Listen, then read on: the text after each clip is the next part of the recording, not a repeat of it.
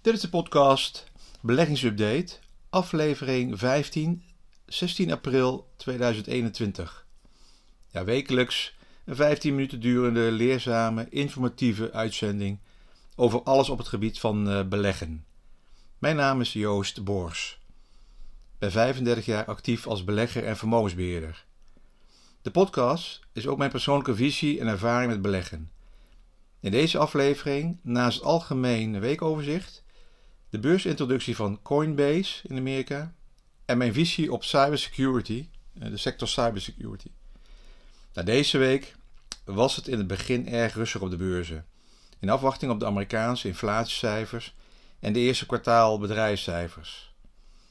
Een van de eerste bedrijven op de AEX met cijfers was eh, Just Eat Takeaway. Het waren schitterende, indrukwekkende groeicijfers. Een groei van 80% eh, eh, aan bestellingen. Management meldt dat het schaalgrootte nu belangrijker is dan winst maken. Nou, uiteindelijk zullen ze wel een keer winst moeten gaan maken. Ze hebben natuurlijk geprofiteerd van de lockdown bij restaurants en horeca. Ook begrijpen ze dat bij het opengaan van de economie het aantal bestellingen zullen teruglopen maar toch hopen ze dat ze op een uh, hoog niveau uh, blijven. Maar de, de, koers is vanaf oktober vorig jaar, uh, bij de goedkeuring van het eerste vaccin en de hoop op het opengaan van economieën, langzaam wat weggezakt. Van 110 naar 90, 91 ongeveer vandaag. Ja, simpel redenerend, als alles weer open gaat, gaan we misschien toch wat minder uh, online eten bestellen. Dan gaan we toch weer uit eten naar restaurants uh, en uh, naar de horeca. En dat zal je dan ook terug zien in de, dat zie je dan nu al terug in de koersontwikkeling. Nou, de AX begon dus wat rustig, maar in de loop van de week kwamen ook in Amerika betere bedrijfscijfers uit. Inflatiecijfers waren wat hoger dan verwacht, maar had geen effect op de koersen.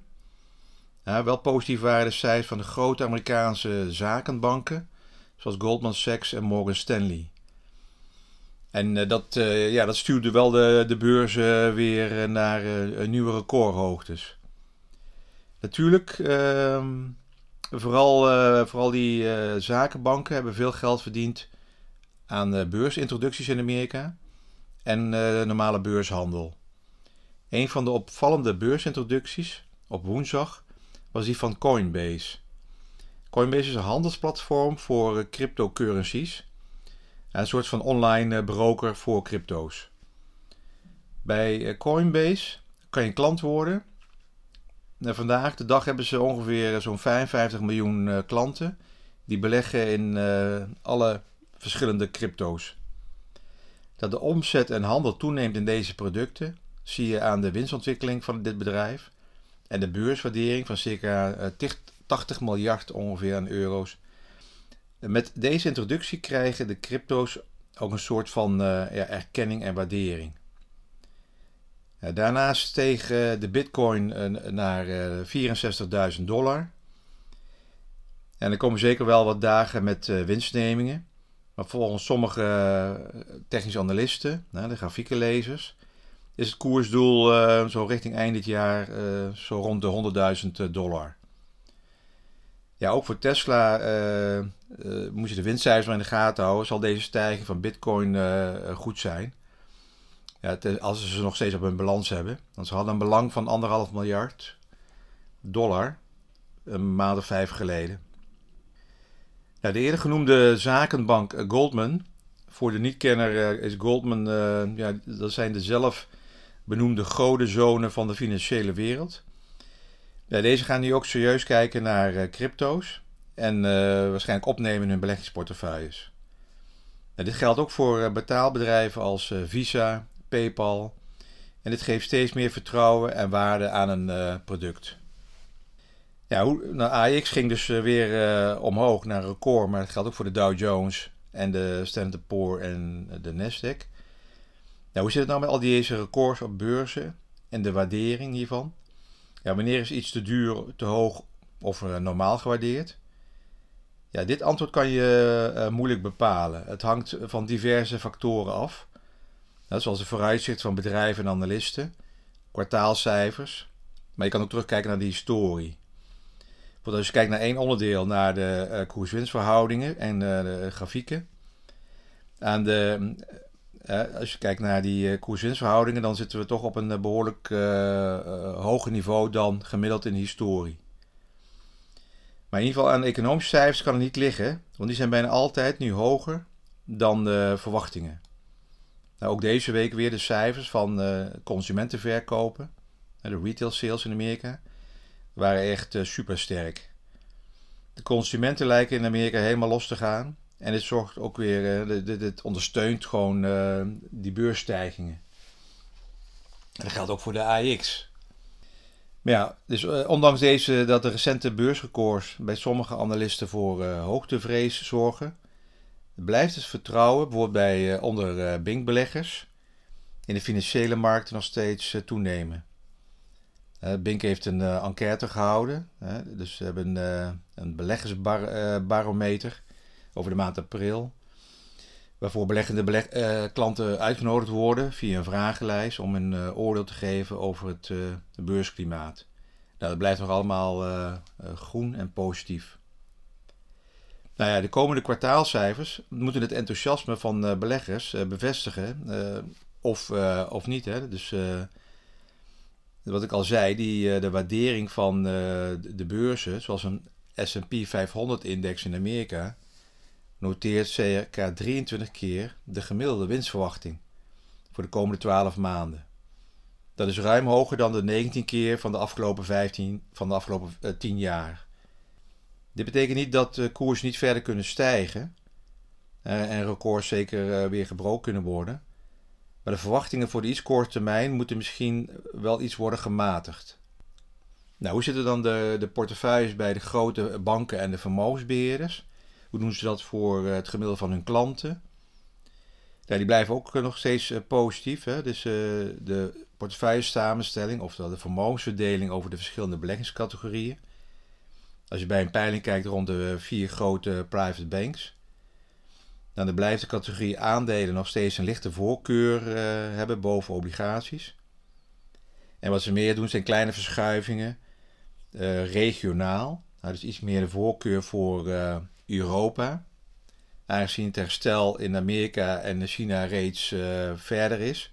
En die beurzen dan ook al een voorschot op hebben genomen.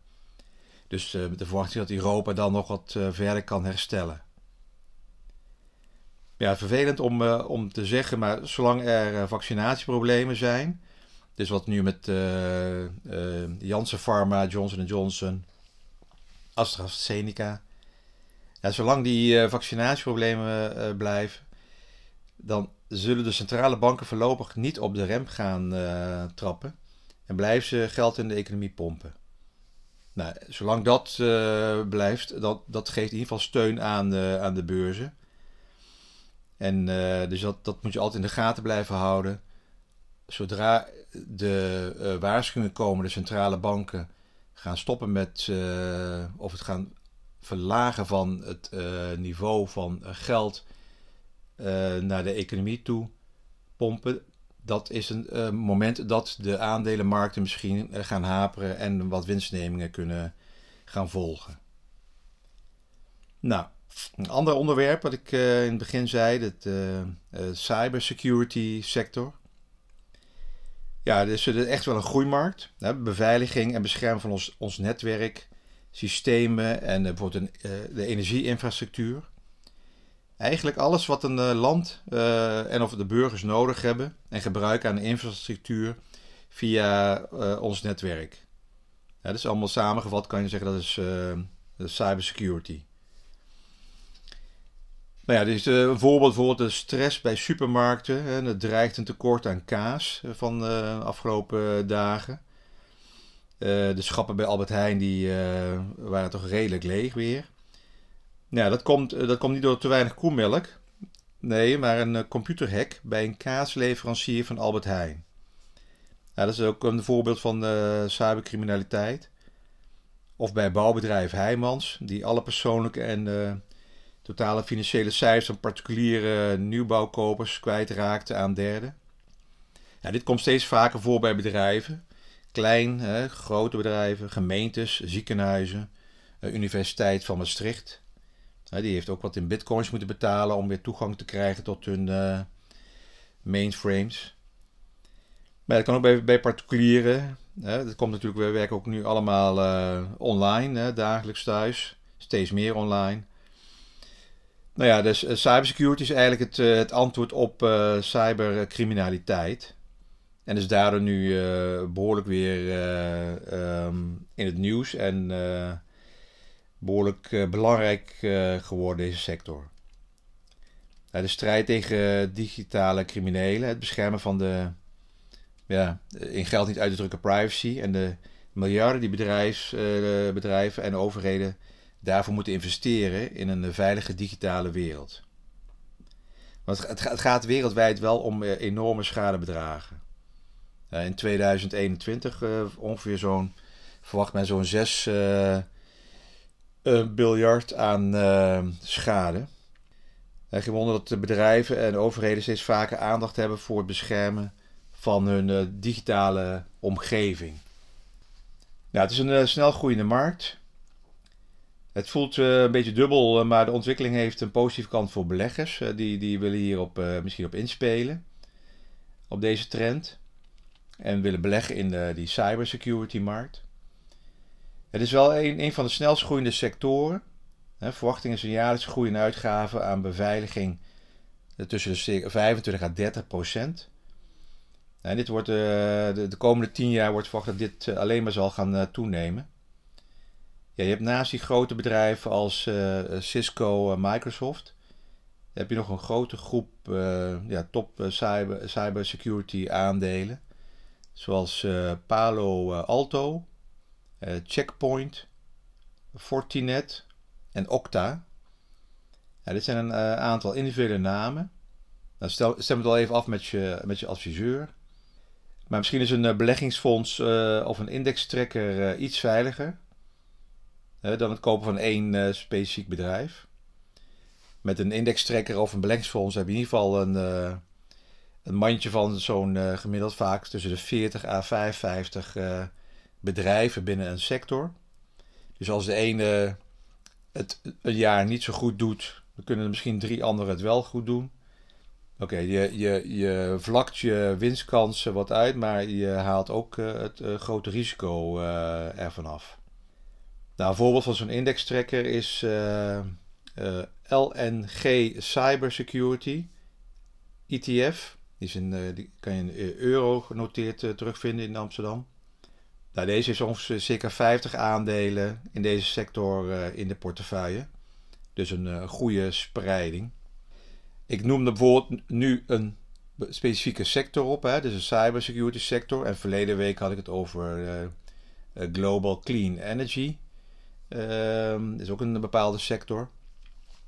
Maar een beleggingsportefeuille bouw je natuurlijk niet alleen op met hele specifieke sectoren. Je moet dan wel een hele portefeuille met uh, een goede spreiding gaan opbouwen. Daar ga ik de volgende komende weken wel op in. Maar dat is eigenlijk een stuk van hoe ga je beginnen met beleggen en hoe ga je een portefeuille opbouwen. Maar het is wel interessant, die cybersecurity. Gewoon lange termijn belegging uh, kijk even of je het kan kopen op uh, een paar dagen als de beurs wat zwakker is. En dan, dan leg je het, koop je er wat van. En dan, ja, dan ga je er over een paar jaar kijken wat het voor rendement heeft opgeleverd. Nou, er zijn genoeg documentaires en films over het onderwerp cybersecurity of hackers. bij Netflix kan je bijvoorbeeld Social Dilemma of een documentaire The Great Hack die is uit 2019. Het gaat over het databedrijf eh, Cambridge eh, Analytica. In de nasleep van de Amerikaanse presidentsverkiezingen van 2016. Ja, eh, dat werd het symbool van de duistere kant van social media. Hoe kwamen ze aan uh, 80 miljoen gegevens uh, van personen uit het bestand van Facebook? Nou, dat wordt daar uitgelegd en best interessant om te volgen als je er tijd voor hebt. Oké, dat was het voor deze week. Dank voor het luisteren. Ja, alles is uh, mijn persoonlijke interpretatie en persoonlijke titel. Dus stem het af met je eigen adviseur. Maar mocht je een vraag hebben dan, over een onderwerp, dan mail mij maar op info.beleggingsupdate.nl en dan zal ik daarop reageren. Nou, tot de volgende week.